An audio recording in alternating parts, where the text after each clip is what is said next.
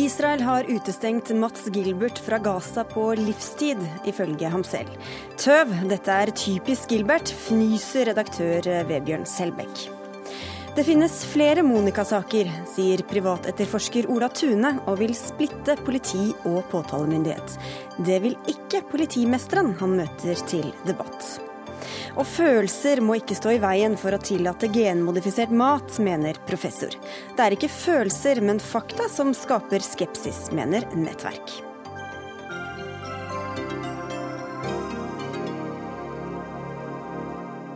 Dette er noen av sakene du får høre i Dagsnytt 18 på NRK P2 og NRK2 i dag, der vi også skal til Bodø og Halvdan Sivertsen, som åpner byens nye kulturhus i morgen. Jeg heter Sigrid Solund. Mats Gilbert har høstet både massiv hyllest og voldsom kritikk for innsatsen sin som lege på sykehuset i Gaza gjennom flere år, og krasse uttalelser mot Israel. Og nå får han ikke lenger reise inn i Gaza, etter at israelske myndigheter har nektet ham innreise. Og hva har egentlig skjedd her, Mats Gilbert? Nei, jeg sto på grensen til Gaza, på Eres, på israelsk side 1.10, og skulle inn etter anmodning fra den palestinske helseministeren helseministeriet og eh, utlånt fra mitt sykehus i Tromsø hadde gyldig visum uh, utstedt av den israelske hæren, uh, halvt års varighet til 11.11, og ble nektet innreise. Uh, spurte hvorfor, og de sa we have a security issue. Vi har et sikkerhetsspørsmål med deg. Kontaktet mine norske utenriksmyndigheter, som også spurte israelerne, som fortsatte å si at vi har et sikkerhetsproblem med deg.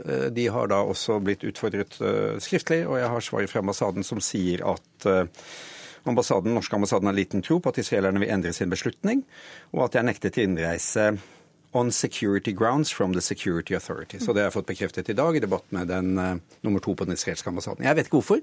Jeg er doktor. Jeg reiser med et stetoskop og med et kamera og en penn. Jeg har aldri brutt israelsk lov, og dette oppfatter jeg som helt meningsløst. Det handler ikke om meg, det handler om palestinernes adgang til å få internasjonal støtte i en vanskelig situasjon.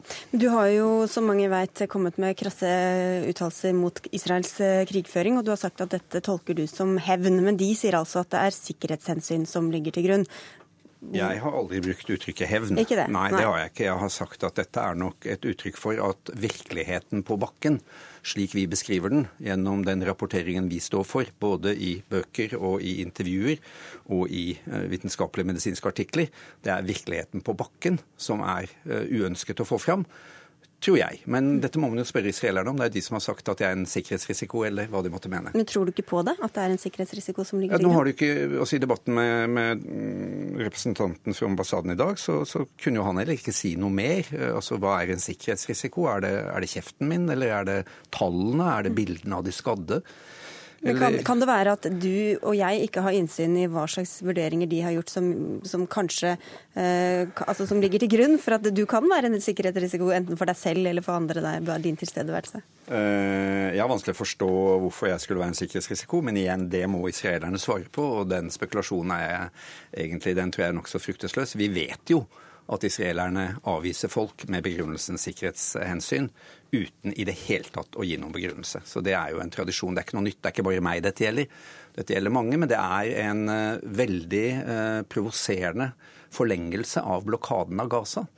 Situasjonen i Gaza er jo ganske desperat. Det har vært altså 51 døgn med bombing. Helsevesenet er skadet, det er masse pasienter. Det er store oppfølgingsoppgaver. Og så blir de altså nektet internasjonal bistand. Det er drøyt. Vi har jo også vært i kontakt med ambassaden i dag. Eh, der var det ingen som kunne stille pga. sabbaten. Ambassadøren avviste i dag som du sier, at utestengelsen har noe med dine meninger å gjøre, eller at du er nektet livet ut, som det også har vært snakk om. Vi skal høre litt hva han sier.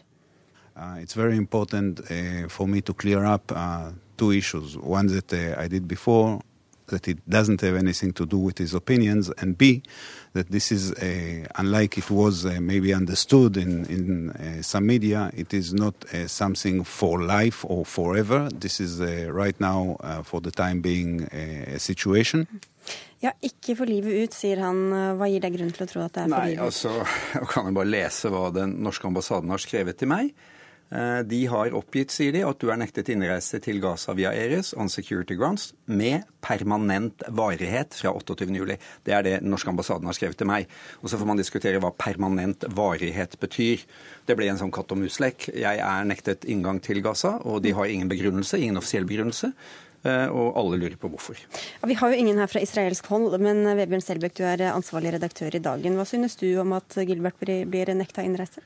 Nei, Jeg syns godt at Mats Gilbert kunne ha fått uh, sluppet inn i eh, Gaza via Israel. Uh, jeg tror alle er enige om at det medisinske arbeidet som du gjør, Mats Gilbert, kirurgi og, og, og, alt dette, lindre den menneskelige lidelsen på Gazastripen, det er noe som er veldig verdifullt.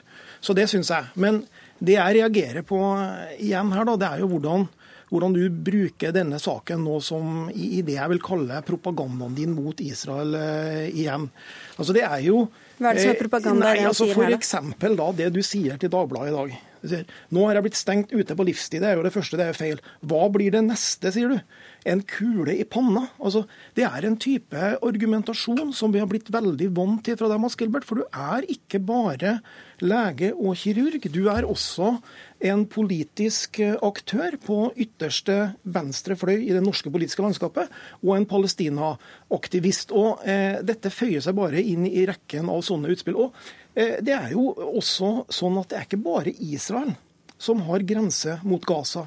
Egypt har jo også grense til Gaza. Der har du også tidvis blitt nekta innreise, uten at det har eh, medført de samme opphissede og fordømmende reaksjoner verken fra deg eller fra norsk eh, UD. Så, så det eh, syns jeg er veldig spesielt å se nå igjen. Da kan vi høre hva Gilbert, hva sier du til det? Hvorfor kan du ikke bare reise inn eller når du, Hvorfor var det ikke det samme vi har gjort? I likhet med andre medisinske solidaritetsarbeidere så kommer vi jo til å fortsette å, å, å arbeide for å komme inn i Gaza, så det, det er nå helt greit. Men, men, at dette skulle være noen form for propaganda, det, det er jeg ikke enig enig i. Nå men Reagerte er... du like sterkt da du ikke fikk reise via Egypt?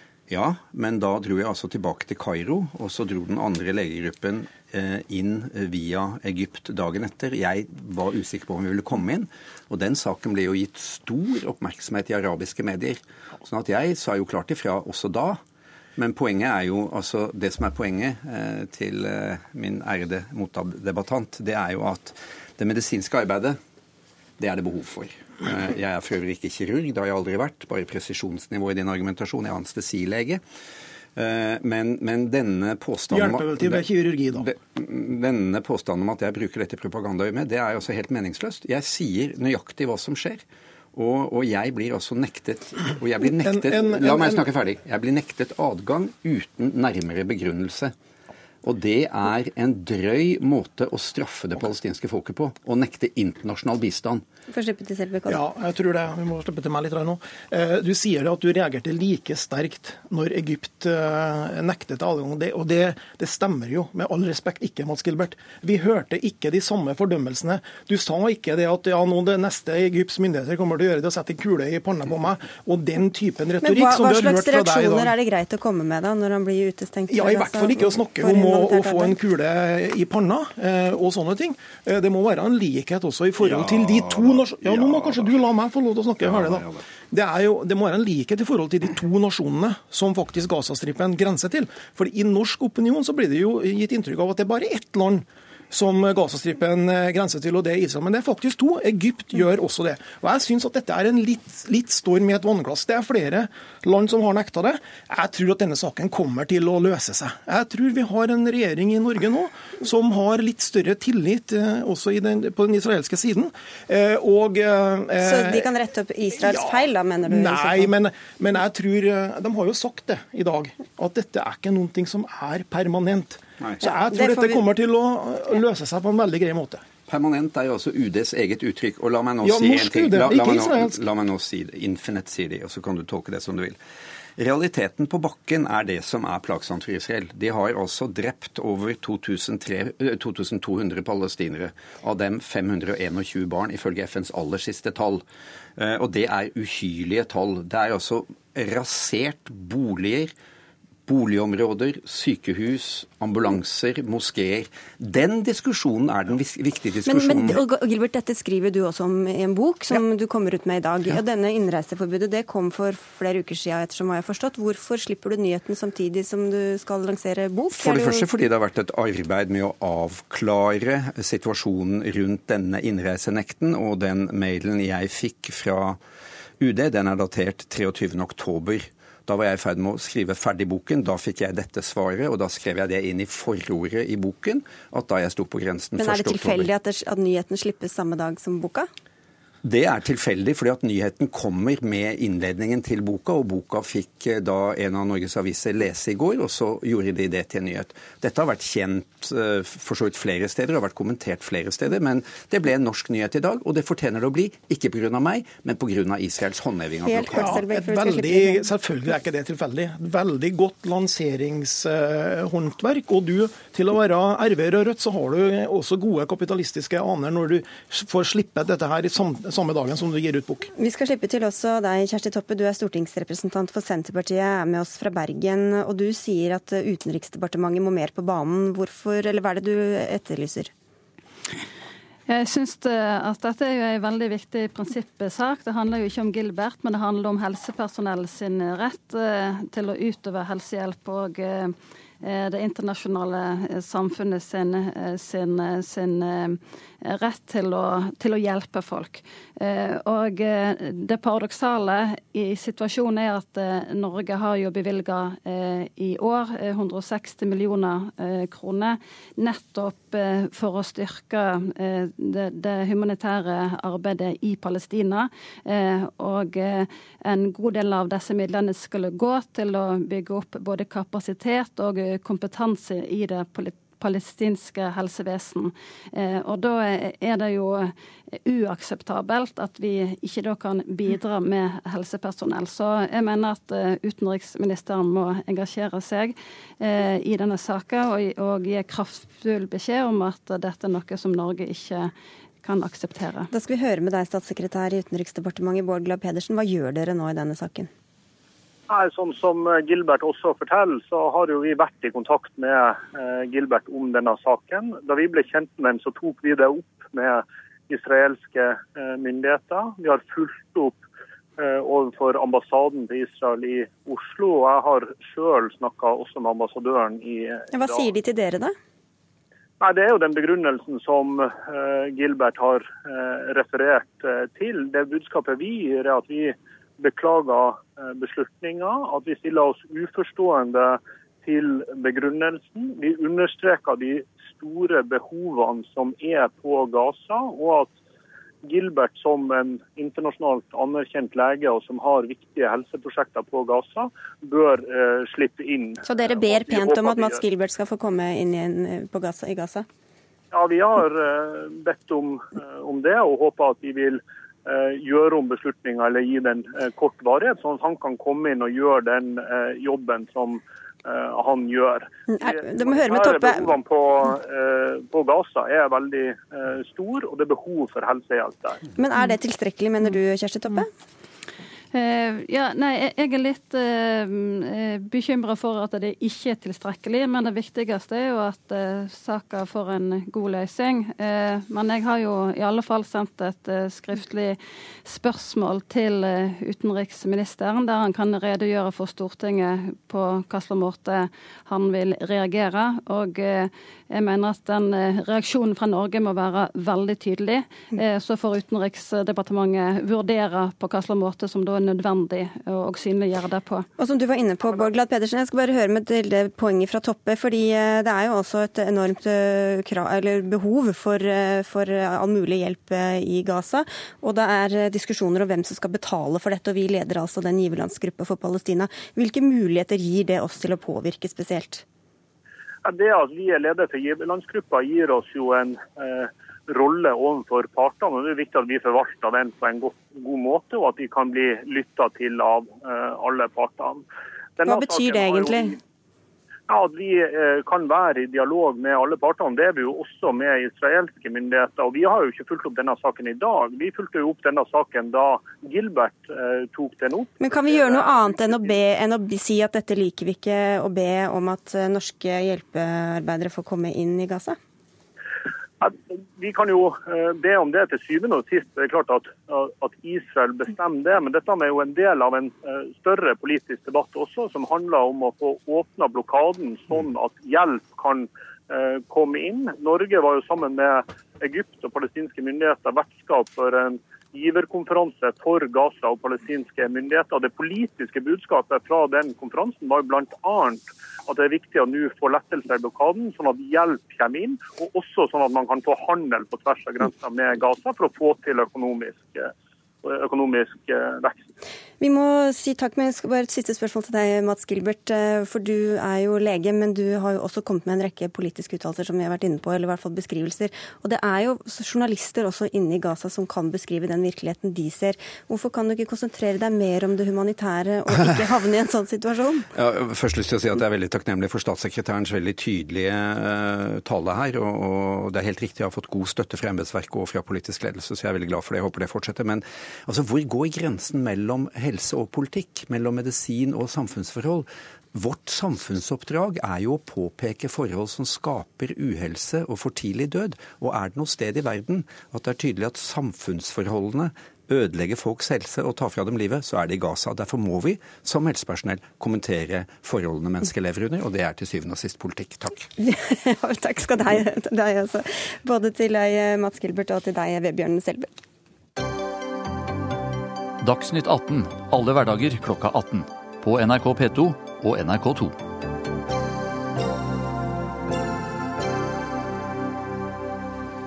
Det har stormet rundt norsk politi etter at politiet i Bergen henla saken om dødsfallet til åtte år gamle Monica, til tross for interne protester. Her i Norge er politi og påtalemyndighet samlet, en ordning vi bare deler med Danmark. Det er påtalemyndigheten og dermed jurister som bestemmer hvilke saker som skal etterforskes, forfølges og henlegges. Og dette vil du gjøre noe med, privatetterforsker Ola Tune. Hvorfor syns du dagens ordning er problematisk? Nei, vi, vi, ser jo at, eh, og har sett i veldig lang tid, det er bare blitt så liten debatt rundt det, at eh, politifolk de ledes av jurister som verken har eh, politifaglig bakgrunn eller utdannelse, eller lederutdannelse.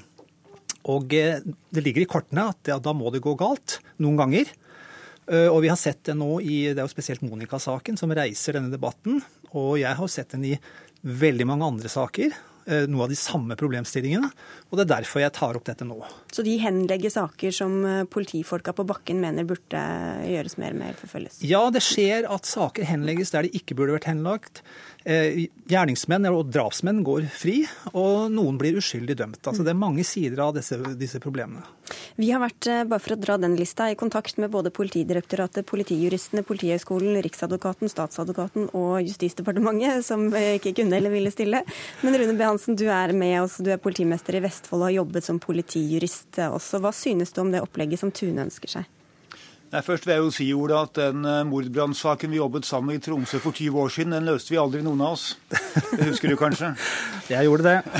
Det er en av mine dårlige uh, samvittigheter og dårlige meritter. Ja, da, da, da deler vi det.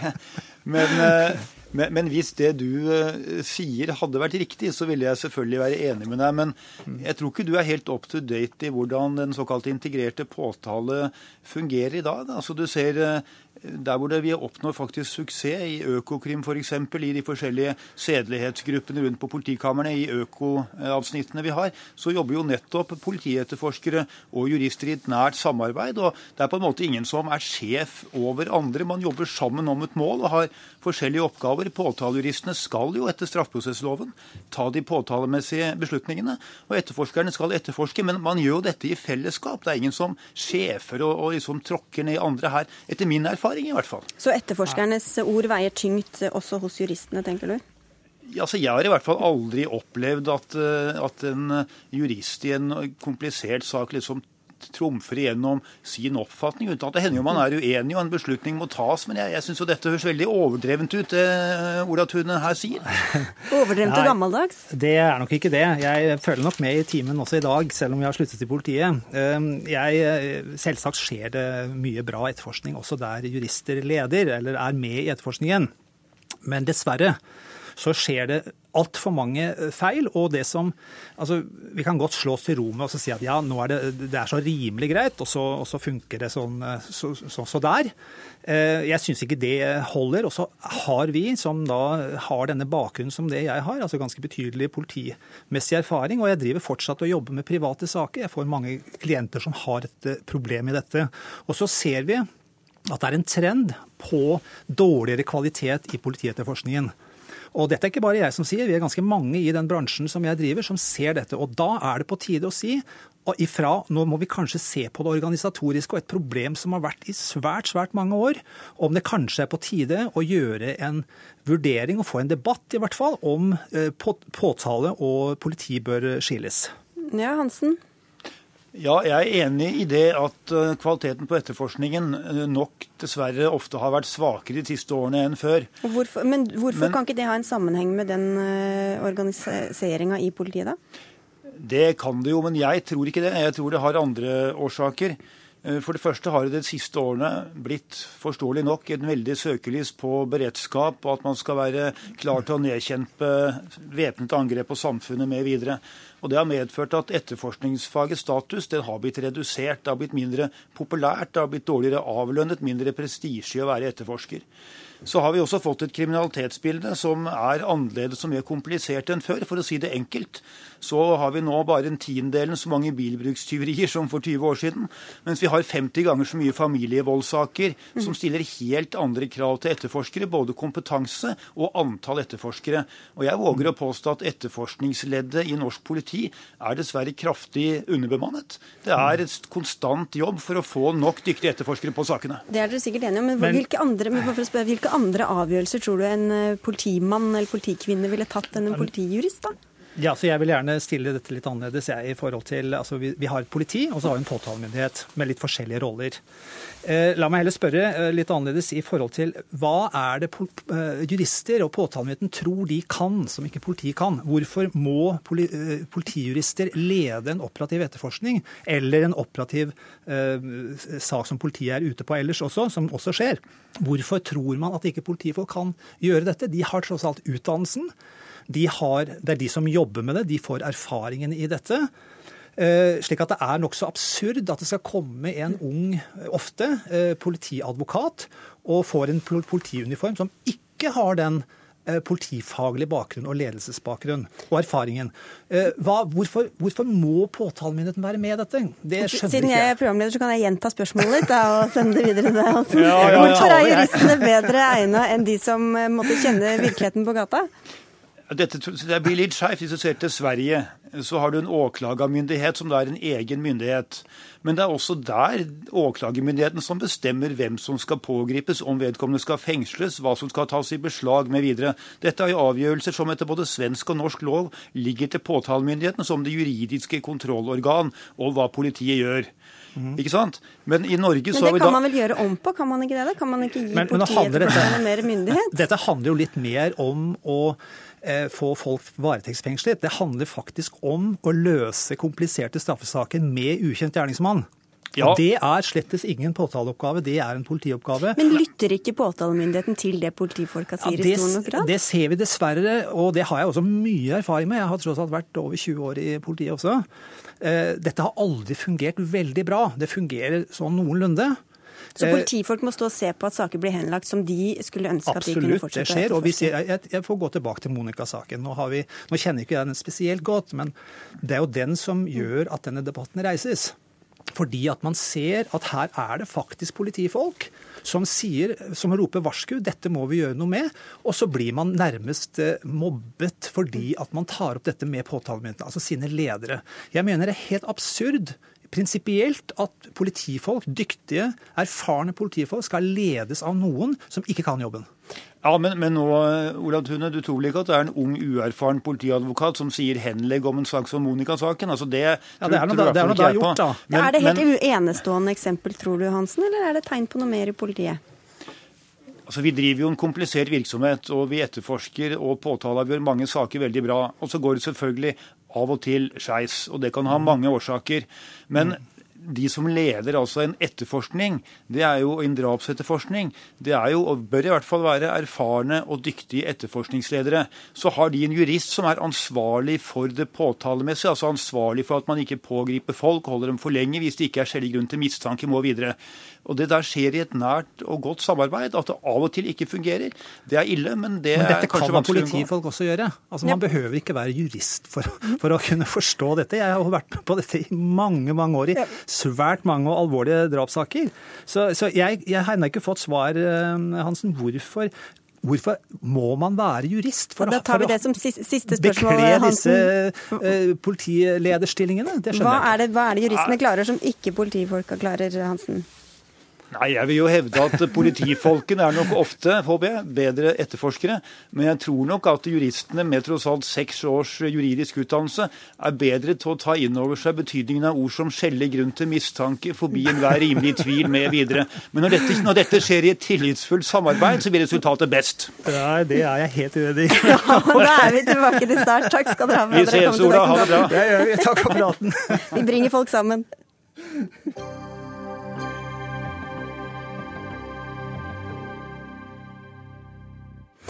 Arbeiderpartiet varsler at det kan bli aktuelt å ta hele kampen om språket i Grunnloven på nytt. I vår landet Stortinget etter mye uenighet, bl.a. i dette studio, på en grunnlovstekst med språkstandard fra 1903, og forkastet dermed en versjon med tekst på et moderne bokmål. Og der endte kampen trodde vi. Men i dag kom det frem at det var den nest siste versjonen av den nynorske teksten som ble vedtatt.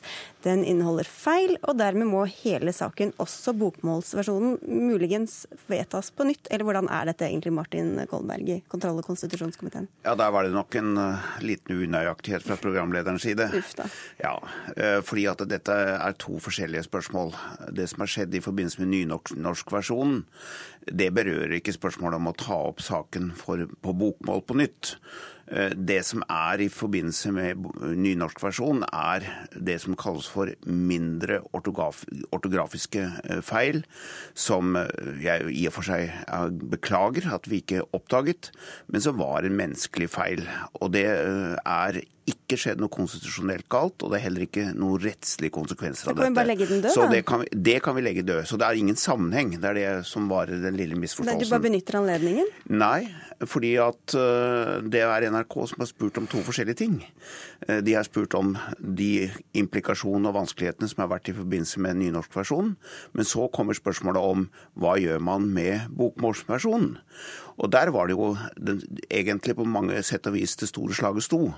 Nemlig skulle man bare ha en rettet 1903-versjon, eller skulle vi ha også et moderne bokmål? Og det paradokset vi nå har, det er altså at vi har en moderne nynorskversjon som er offisiell, og som er riktig, og som er rettslig gyldig. Men vi har en bokmålsversjon som er en rettet 1903-utgave. Og det er det siste som det nå gjelder. Og det mener jeg ikke er en tilfredsstillende situasjon. Fordi selv om den er bedre å lese enn den som vi hadde før uh, siste runde, så er den ikke lett tilgjengelig. Og det er nødvendig at vi har en moderne bokmålsversjon på samme måte som vi nå har det på nynorsk. Og Derfor må forslaget fremmes på nytt, og det kommer jeg til å ta initiativ til. Ok, Så når vi først snakker om grunnlover, så benytter du anledningen? Var det litt sånn det var, da? Nei, jeg, jeg, forstår ikke helt hva programlederen vil med det. Men du ønsker i hvert fall omkamp om den bokmålsversjonen? Ja, og det er, det er, jo ut fra en helt annen betraktning enn det som knytter seg til disse misforståelsene om nynorskversjonen. Fordi at det det handler om, er at jeg vil at kommende generasjon lett skal kunne lese sine rettigheter og hva som er gjeldende grunnlov for Norge, på sitt eget språk. Det er ikke tilfellet i dag for de som ønsker seg å benytte seg av bokmålsversjonen. Og det er noe som Stortinget, det neste, bør rette opp, og derfor må det foreslås på nytt. Og da er vi tilbake til denne klassikeren. eh, Og Michael Tetzschner, du er også i kontroll- og konstitusjonskomiteen for Høyre, i motsetning til Kolberg, som er eh, Arbeiderpartiet. Du er med på telefon fra Danmark, og hva syns du om at det nå antydes en omkamp om dette spørsmålet? Eh, Jeg er veldig forundret over det, for det er jo ingen grunn til det. Eh, Stortinget visste nøyaktig hva den vedtok, og eh, det gjorde den faktisk med mer enn to tredjedels flertall. Og eh, Kolberg fremførte akkurat disse argumentene. Jeg har også lyst til å legge til at eh, det er jo med respekt å melde ikke riktig det han sier, at dette er en rettet utgave av 1903-teksten. Det ligger til grunn for Stortingets behandling en helhetlig eh, gjennomgang eh, gjort av professor Finn Erik Vinje, som ligger innenfor dagens, eh, ikke riksmålsnormal, men dagens bokmål. Og Derfor så er det ikke lesevanskeligheter for eh, språkbrukere, selv om de er unge i dag.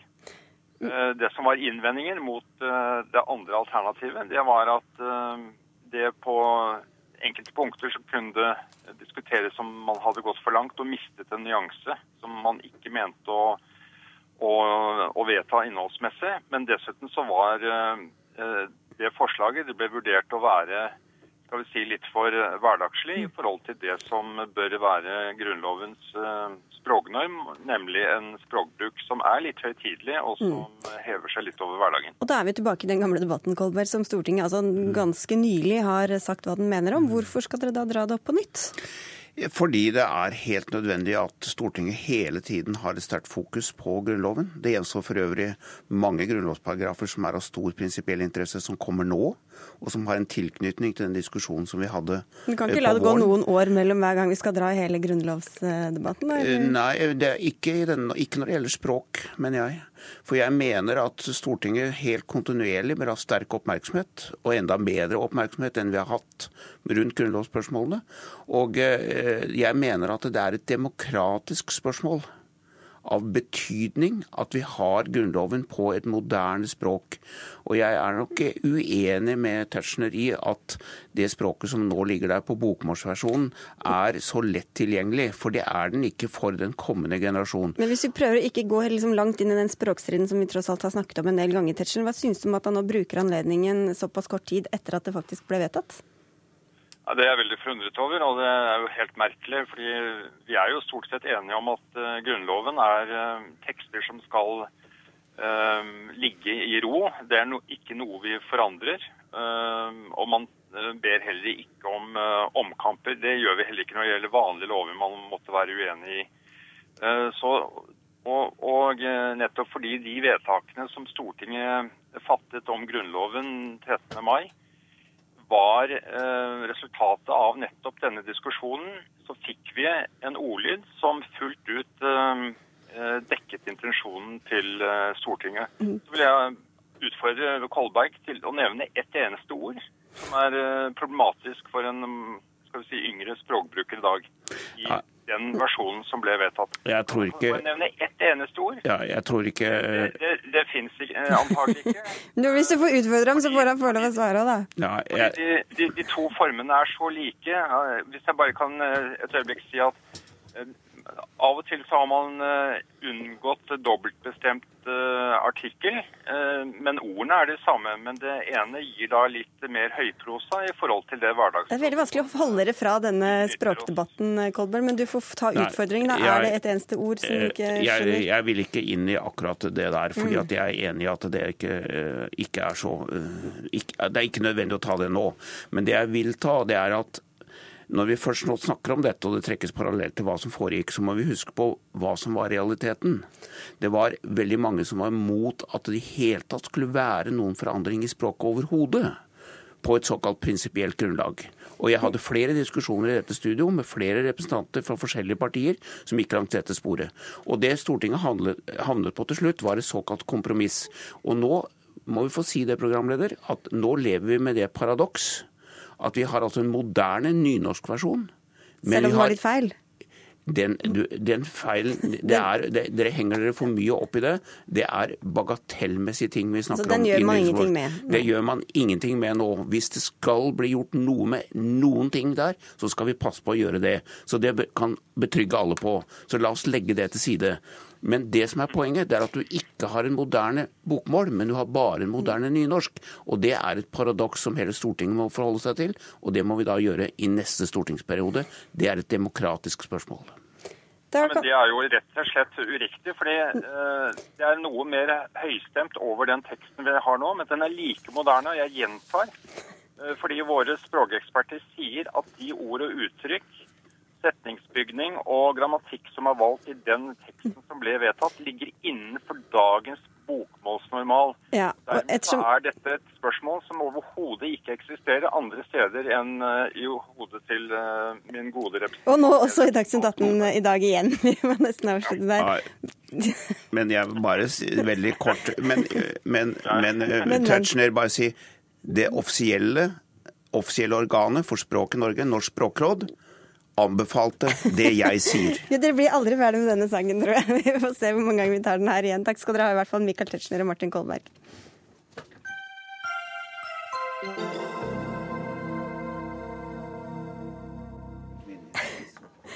I morgen kveld åpner Stormen, Bodøs nye kulturelle storstue.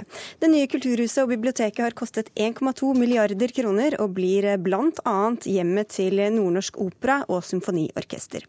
Og vi skal til Bodø. Det vil anta at du sitrer av spenning, Halvdan Sivertsen. Om nesten ett døgn skal du åpne et kulturhus i hjembyen. Hvordan føles det? Nei, Nå skal vi ha en generalprøve nå om noen få minutter med publikum. og Det føles veldig trygt at vi får tid til å gjøre det da før vi skal åpne i morgen med, med TV-sending og, og, det hele. Så, men det virker som at ting egentlig bank i bordet er på skinner, og dette kommer til å gå rimelig bra, tror jeg. Men hvorfor trenger Bodø et eget kulturhus? Nei, vi har jo hatt et kulturhus, vi har hatt mange kulturhus sånn sett. Og, men det, det kulturhuset vi åpna i 1991, det begynner å bli litt for lite. Det begynner å bli gammelt og slitt. Eh, så vi har i flere år ønska oss et eh, en litt større hus, et litt mer fleksibelt hus og et hus med flere saler. og ikke minst et nytt bibliotek og litteraturhus. Og vi har fått begge disse funksjonene veldig godt eh, etablert nå, så vi er både lykkelige og har tro på at, at, at denne, dette er også et, et, et anlegg for fremtida. Vi hører de stemmer instrumentene i bakgrunnen der. Agnes Moxnes, kulturkommentator her i NRK. Hva slags kulturhus har Bodø fått eh, med dette? Ja, De har jo ikke bare fått et kulturhus, de har fått et kulturkvartal. Og det er det vel den eneste byen i Norge som eh, har. Eh, det, på meg så virker det som om de har tenkt veldig profesjonelt, veldig ambisiøst, og laget et hus som både skal kunne huse store internasjonale størrelser, som også stiller høye, høye krav til, til eh, saler og, og, eh, fremførelse. Samtidig som det også skal være et hus for eh, regionen og for lokale talenter som er på, på vei opp. Og sånne kulturhus og bygninger og kvartaler vil jeg tro skaper en del debatt. Hvordan har veien fram til eh, morgendagens åpning vært? Altså Alle kulturhus eh, som bygges i Norge, det starter med en langvarig debatt. Og i Bodø, altså Bodø er ikke noe unntak. Jeg tror de regner at det er liksom debattert ganske heftig i minst 20 år. Så det er jo en utholdende folkeferd.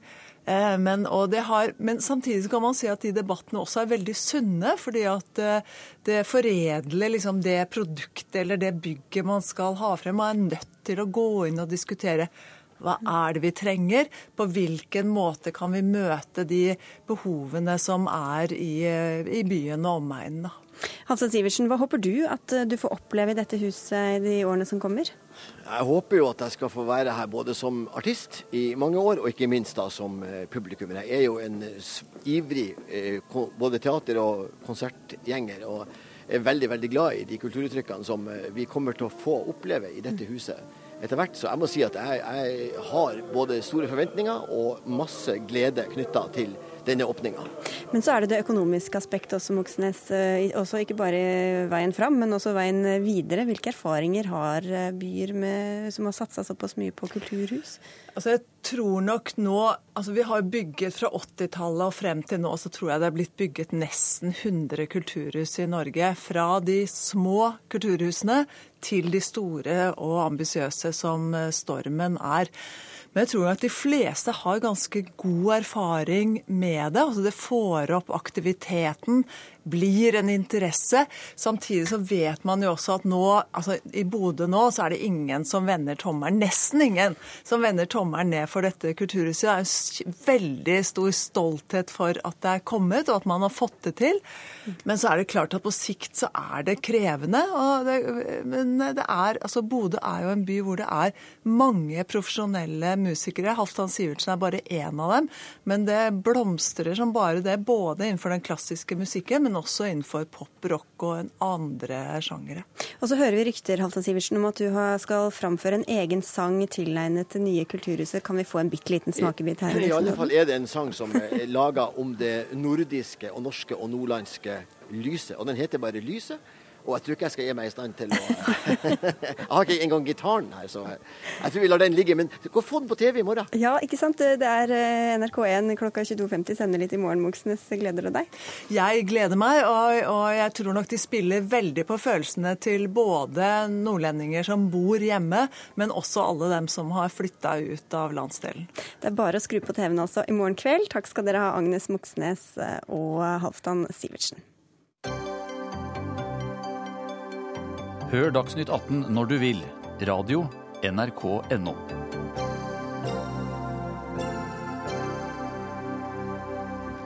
hvor vi snart får besøk av årets vinner av Osietzky-prisen. Men først skal vi snakke om genmodifisert eh, mat.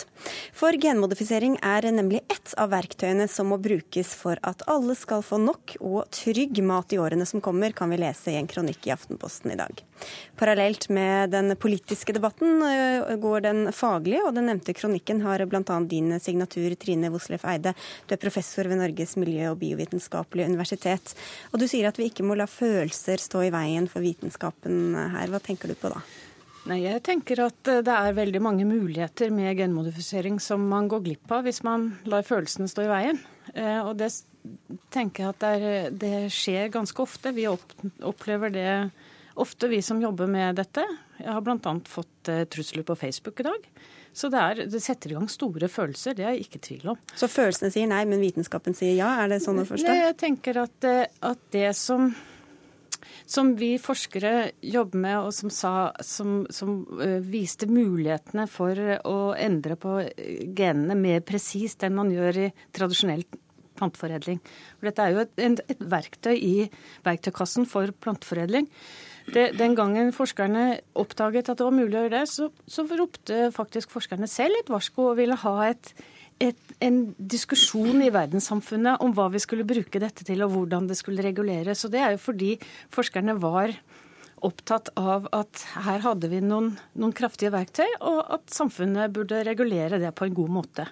Og det er jeg opptatt av at vi skal gjøre. Mm. Men, men, nå, men, nå, viser erfaringene at uh, Altså det, som, det, som, har skjedd i Europa, er at det har vært en veldig uh, redsel. Og det har vært et, et, et ti år langt moratorium hvor man ikke behandlet søknader om, om, genmodifiseringer i det hele tatt. Og nå er det, nå er det over. Men, men, det førte jo til at, at de firmaene som, som, jobbet innenfor bioteknologi, flyttet til Nord-Amerika isteden. Mm. Og, og dermed så flyttet også Eh, industrien og arbeidsplassene vekk fra Europa. Og Europa er jo opptatt av at, at vi skal eh, skape noe her òg. Og det er jo synd å tra, frata mulighetene for, for europeiske bønder mm. å drive med dette. Regine Andersen, du er koordinator for Nettverk for GMO-fri mat og fôr, altså mot uh, genmodifisert uh, mat og dyrefôr. Er det følelser og frykt som styrer dere? Nei, det mener vi jo ikke det er. Det er rett og slett eh, kunnskapen så langt som sier at vi ikke vet eh, hva konsekvensen vil være av genmodifiserte organismer. Vi har for lite kunnskap. Eh, både når det gjelder helse og miljø, og de to genmodifiserte organismene som nå er kommet i debatt. Ja, Det er to mais Det er to maissorter. De er modifisert for å tåle bl.a. et sprøytemiddel som er forbudt i Norge pga. helserisiko, som er i, vei, i ferd med å bli faset ut i EU nettopp av samme grunn. Så det er f.eks. en maissort som vi aldeles ikke har bruk for verken i Norge eller andre steder. Og så vil jeg gjerne få sagt at jeg syns at denne kronikken nok var veldig ensidig. Eh, og det å male bildet så svart-hvitt, det syns jo ikke jeg er særlig konstruktivt. Eh, vårt nettverk består av et samlet eh, Landbruks-Norge. Alle bondeorganisasjonene, de fleste store miljøorganisasjonene. Til og med Coop Norge Handel er med. Og det vi sier er ikke et resolutt nei til GMO, men det vi sier er at de GMO-ene vi har i dag, de er for dårlige. Mm. Og vi vet ikke nok om hvorvidt de er farlige. Og så lenge vi ikke vet det, må føre var-prinsippet råde. Og vi kan, vi kan uh, absolutt si nei til GMO. Altså Tittelen på uh, kronikken er at vi kan ikke si nei, men det kan vi jo, det har vi gjort så lenge. Vi, eh, den tittelen var det Aftenposten som satte på. Akkurat. Det ja, men, det, men resten var det du som skrev.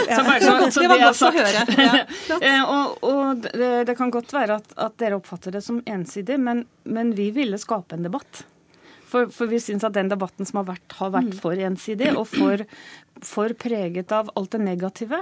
Eh, og jeg kan være enig i at vi ikke nødvendigvis trenger eh, genmodifisert eh, mat som er resistent mot sprøytemidler. Jeg er ikke noe stor fan av multinasjonale selskaper, jeg heller. Men, men kan, hvorfor trenger vi denne maten, da, som er genmodifisert? Det, det, det som er at det er mange ting i i Kjømda, for, for, å si det sånn, så hvor, hvor, man får mer helsevennlige produkter. Man får, får, får, ting som kan dyrkes steder hvor i dag ikke er så lett å, å Saltholdig jord og, og, tørke under tørkebetingelser og den slags, som, som vil bidra til at vi får eh, mer mat. Og, og jeg er jeg har vært i debatt i dag med kollegaer på jobben òg.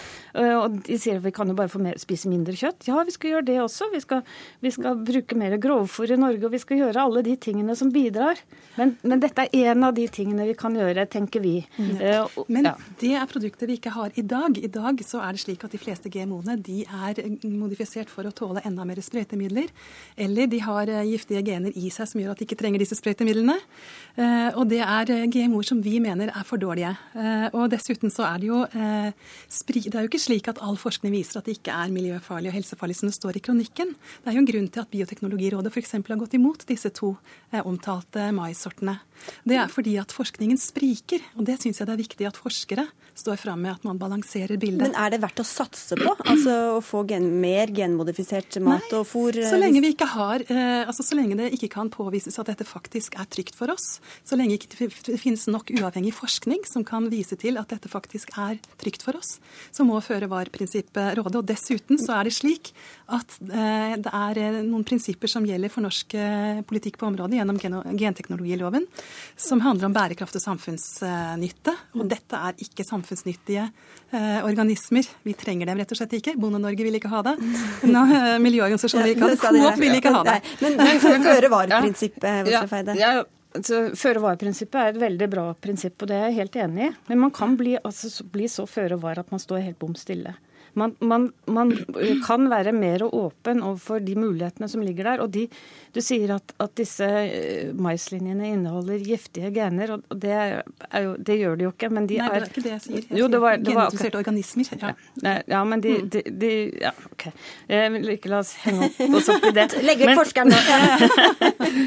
men, men nå kom jeg ut av hva jeg skulle si. Ja, det var til, til, eh, til føre-var-prinsippet. Mm. Og det, altså, disse to maislinjene de, de, er jo godkjent av eh, all, altså Mattilsynet har sett på dem, og Vitenskapskomiteen for mattrygghet har sett på dem, mm. og ikke sett noen De har ikke sett noen farer. Men Nei. betyr det at det ikke er farlig fordi de ikke kan påvise at det er farer? ikke sant? Og I dette tilfellet så snakker vi om noe som man skal utvise men, stor men det forsiktighet med. Det ene, for eksempel, det ene, Du sier at det er uh, resistent mot et middel som ikke er tillatt i Norge. Mm. Hvis vi ikke skulle importere mat For dette skal jo ikke dyrkes i Norge. Det er ikke tillatt dyrket i Norge, disse maislinjene. Det er for import, import hovedsakelig til fôr. Hvis vi ikke skal importere mat som, hvor man bruker sprøytemidler som ikke er tillatt i Norge, så er det veldig mye vi ikke kan ta inn i Norge. Så lenge det er mm. under de grenseverdiene vi setter. Så du ville, du ville fastsette et helt mm. nytt prinsipp for import av mat. Pga. fordommer eller ikke nok Nei, men Her snakker vi om en helt annen lov. Det er genteknologiloven, som da handler om samfunnsansvar og bærekraft. Og da er det de prinsippene som skal gjelde når vi omhandler slike produkter. Samfunnsnytte og bærekraft. Og Mm. faktisk den glyfosatresistente fører til mer bærekraftig utvikling. Der mista du meg litt helt på slutten der, men Men det er nemlig slik at det har blitt oppstått eh, resistens i så mange ugress nå, 31 ugressarter i bl.a. USA. Og da må man bruke stadig mer sprøytemidler, og det viser seg nå. Flere undersøkelser viser at det da er blitt høyere andel av sprøytemidler i den maten. Og dette er jo ingen positiv utvikling, det er ikke noe vi ønsker. Vi, dere får fortsette utenfor dessverre. Beklager, det- vi er tomme for tid akkurat her nå. Trine Woslef Eide fra Norges miljø- og biovitenskapelige universitet og Regine Andersen fra Nettverk for GMO-fri mat og fôr. Takk skal dere ha.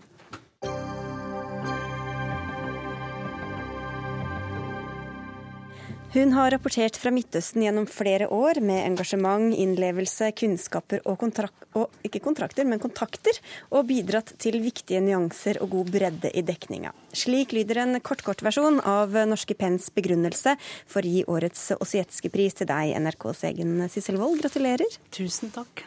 Hvordan er det for deg å få denne prisen akkurat nå?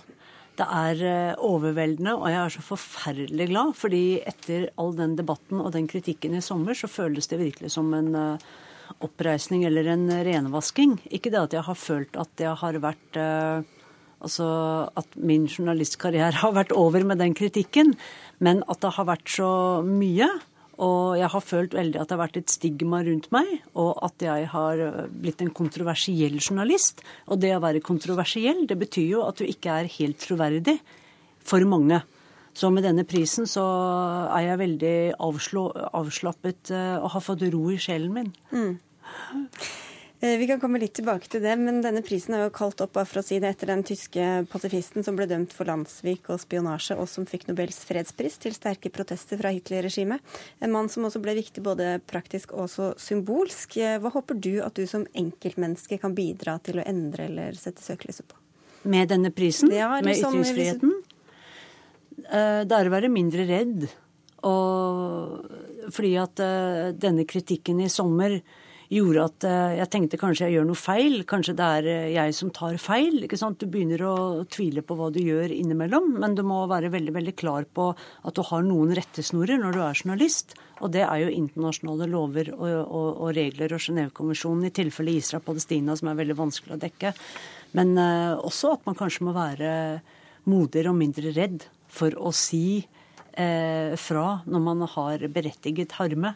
Det likte jeg veldig godt i går. Harald Stanghelle holdt tale og brukte det ordet. At du har hatt berettiget harme. Og det gjør meg også veldig rolig. Mm. At det har vært eh, riktig og vært eh, sinne av og til. Når man ser ting man blir opprørt over. William Nygaard, eh, formann i Norske Penn, som har gitt henne denne prisen. Hvor viktig var den kritikken og den stormen som Sissel Wold var oppi for at dere valgte å gi til henne? Eh, Du kan si at hele aktualiteten rundt konflikten var jo med på å begrunne. Eh, Men jeg vil si at det er tosidig sånn sett. Det ene er eh, det faktum at eh, Sissel har stått i et konfliktområde, representert kunnskap, overblikk, innsikt og innlevelse på den ene siden, og sånn sett hatt evnen til å gi et tosidig bilde. Og det andre er at hun møtte faktisk som en påminnelse om vår egen eh, kan vi si, utilstrekkelighet.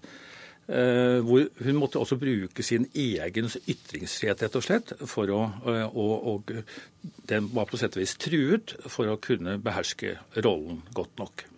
Du, som du har vært inne på, Sissel Wold, så har du fått kritikk eh, for å være for Israel-kritisk, for Palestina-vennlig og gå inn i det politiske på et eller annet vis.